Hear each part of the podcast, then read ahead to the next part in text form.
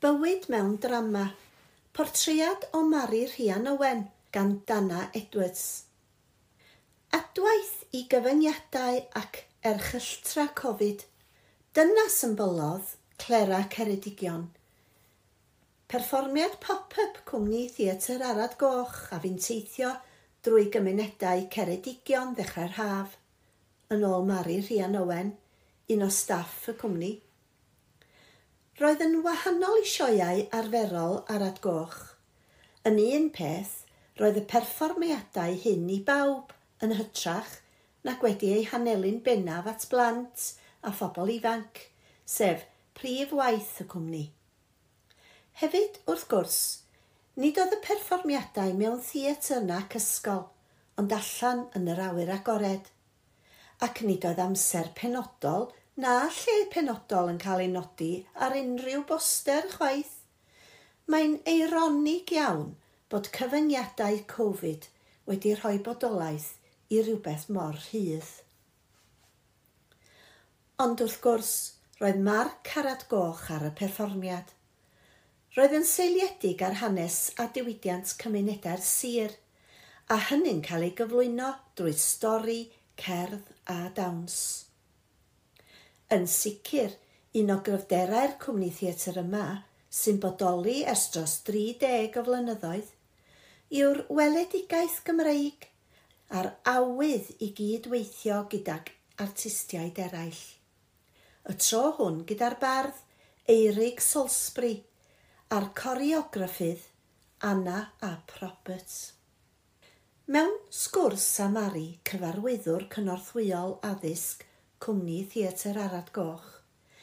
Mae'n amlwg bod y cwmni wedi mynd ati o ddifri dros y cyfnod clo i geisio canfod ffyrdd eraill o weithio yn sgil cae drysau'r theatr ac atal y teithiau ysgolion. Bu Mari ei hun yn arwain gweithdi blagur ar Zoom, clwb drama i blant bach sy'n arfer cwrdd nghanolfan arad goch yn Aberystwyth bob bore Sadwrn. Mae wedi bod yn anodd, cyfad Efa. Mae'r plant bach yma yn amlwg yn gweld eisiau cwrdd â ffrindiau, ond mae'n well na dim.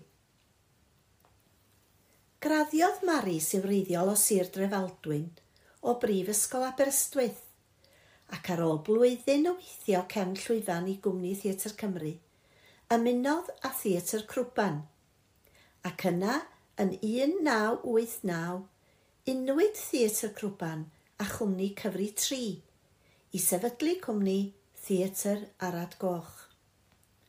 Yn ystod y deg ar hugain a mwy o flynyddoedd ers hyn, mae Mari wedi actio, cyfarwyddo, dysgu a mentora dramodwyr di-brofiad.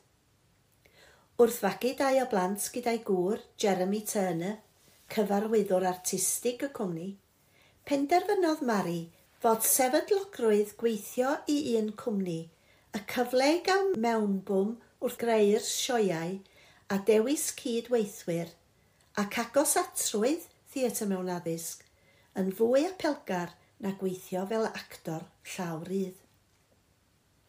Mewn blwyddyn arferol, mae'r cwmni'n perfformio i dros 24,000 o blant trwy gwaith theatr mewn addysg sy'n teithio i ysgolion gorllewin Cymru a'r cynnyrchiadau cyhoeddus sy'n teithio led-led Cymru a thu hwnt. Mae sioeau i blant bach sy'n gyfyngedig o ran geiriau yn medru cael eu perfformio'n llwyddiannus beth bynnag yw iaith y gynulleidfa, meddai ac mae nifer o sioiau wedi teithio'n rhyngwladol. Y Gymraeg yw iaith gwaith y cwmni ac yn y Gymraeg y creir y sioiau, gyda rhai wedyn yn cael eu cyfieithu i'r Saesneg ac ar gyfer rhai perfformiadau dramor, mae'r actorion yn dysgu'r geiriau yn yr iaith frodorol hefyd. O ofyn i Mari sut mae theatr mewn addysg wedi newid dros y blynyddoedd, Mae'n gwenu a meddwl cyn ateb. Ar y dechrau roedd cyfle i blant fod yn rhan o'r chwarae, ond wrth gwrs roedd hynny'n amrywio'r profiad. Mae pawb sydd wedi gweithio gyda phlant yn gwybod bod yr hyn a ddaw o'i gennau weithiau yn annisgwyl. Ond mae yna elfen gref o hyd o fewnbwn, gyda'r cwmni yn cynnal sesiynau trafod yn dilyn perfformiadau, ac yn aml wedyn Mae'r athro'n seilio gwaith ar y themau a godwyd. Mae'n rhoi cyfle i bobl ifanc drafod pethau mae cymeriad wedi ei wneud neu ddweud mor bwysig. Mae'n golygu bod y medru trafod pethau sy'n bwysig iddynt a chael ymateb eraill, heb orfod cyfaddef fod y broblem neu'r sefyllfa yn un personol iddyn nhw. Mae Mari hefyd yn pwysleisio gwerth theatr mewn addysg gan ei bod yn mynd â theatr at y bobl ifanc i'w hysgolion, ac felly'n rhoi profiad i bawb. Yn hytrach nag i'r rhai, y byddai eu rhieni yn mynd â nhw i'r theatr yn unig. A gan fod y chwarae yn digwydd yn yr ysgol, mae'n dod â theatr yn agosach at y cynulleidfa, yn rhan naturiol o fywyd bob dydd. Mae'r pynciau sy'n cael eu trafod hefyd wedi newid rhywfaint, er bod bwlio ac unigrwydd a chadw cyfrinachau yn themau oesol a rhyngwladol. Ond wrth gwrs mae problemau newydd wedi dod yn sgil technoleg a'r cwmni wedi ymateb drwy creu cynyrchiadau sy'n delio â hyn. Yn bendant, mae'r ddelwedd o theatr Cymraeg a Chymreig hen ffasiwn – wedi ei ddryllio'n llwyr erbyn hyn. Mae Cymraeg yn cynyrchiadau wedi newid hefyd. Mae'r iaith bellach yn fwy hyblyg. Rhaid i'r iaith fod yn berthnasol, yn hwyl. Mae chwarae gyda geiriau yn rhan bwysig o theatr, meddai Mari. Ac mae'r Gymraeg yn amlwg yn bwysig iddi. Dros y deunaw mlynedd diwethaf, mae Mari sydd wedi ei ymhwyso'n athrawes hefyd, wedi ymweld ag ysgolion lu i gynnal sesiynau iaith trwy ddrama. Y nod yw gwella iaith mewn cyd-destun a hynny mewn ffordd ddifur. O ofyn iddi sut mae hyn yn gweithio'n ymarferol, mae'n rhoi'r er enghraifft yma. Efallai a fi mewn a bag mawr er mwyn gwneud gwaith ar ansoddeiriau – a bydd hyn wedyn yn arwain y plant i greu'r cymeriad sy'n berchen y bag, esbonio pam fod y bag wedi bacio ac yn y blaen. Bydd rhai plant wedyn yn creu lluniau llonydd o hyn ac eraill yn ei disgrifio.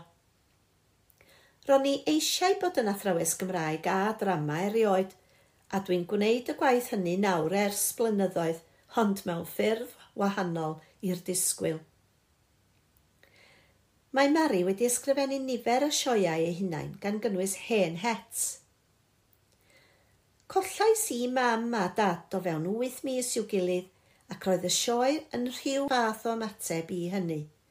Mae'r cymeriad yn ddi, mam rwystredig, yn gwisgo heinau o ddillad, pob un ei liw a'i emosiwn cysylltiedig. Ac yn y ddrama, ro'n i'n tynnu'r heinau wedyn – rhoi'r cymeriad yn ôl at ei gilydd. Mi ges i lawer o bobl yn dod ata i yn sgil y perfformiadau i ddeud ei bod yn uniaethu â'r cymeriad. Roedd honna efallai yn fwy o sioe i oedolion, a fe es i ar sioe hon i Awstria. Gweld pamffled mewn siop lyfrau a sgogodd Mari i ysgrifennu Merched y Gerddi – a hynny bymtheg mlynedd ar ôl codi'r bamffled. Mae hanes y merched a gerddent o Dregaron i Lundain i dendio gerddi yn y ddeunawfed ganrif a dechrau'r pedwerydd ganrif ar bymtheg, yn stori sy'n dal yn berthnasol. Mae yn adlais o hyn heddiw, y bobl sy'n dod o wlaid pwyl i Gymru i chwilio am waith Ie, efallai bod y cymeriadau a'u cynhefin a'i haith yn wahanol, ond yr un yw'r sefyllfa. Gwasgfa economaidd yn gyrru pobl ifanc o'i cymunedau.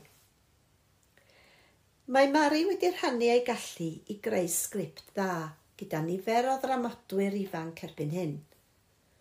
O ran diffygion, dywed yn gyffredinol bod angen gweithio ar ddangos ac nid dweud cwtogi ar sgyrsiau a monologau hir.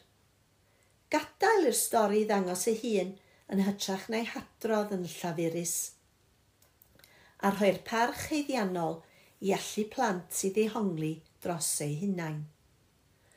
Ond mae rhain yn bethau y medr rhywun ddysgu, ac mae Mari yn hyderus bod dyfodol theatr i bobl ifanc Cymru yn mynd i barhau i ffynnu ac i fod yn berthnasol.